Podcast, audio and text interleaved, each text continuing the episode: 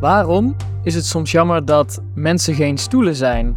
En wat heeft dat te maken met een bandje in je elleboog waarvan je waarschijnlijk niet weet dat je het hebt?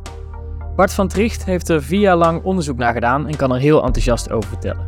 Zijn promotieonderzoek helpt blessures te voorkomen bij tennissers en honkballers.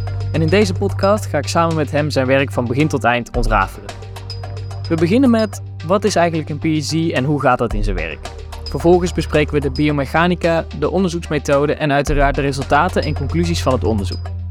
Uiteindelijk moet de nieuwe kennis natuurlijk worden toegepast in het dagelijks leven van een sporter. En daarvoor gaan we in gesprek met mensen uit de topsport en de medische wereld om te kijken hoe zij het onderzoek implementeren in de praktijk. Zelf heb ik veel van de gesprekken met Bart geleerd en ik hoop dat jij er ook wat aan hebt. Veel plezier met luisteren.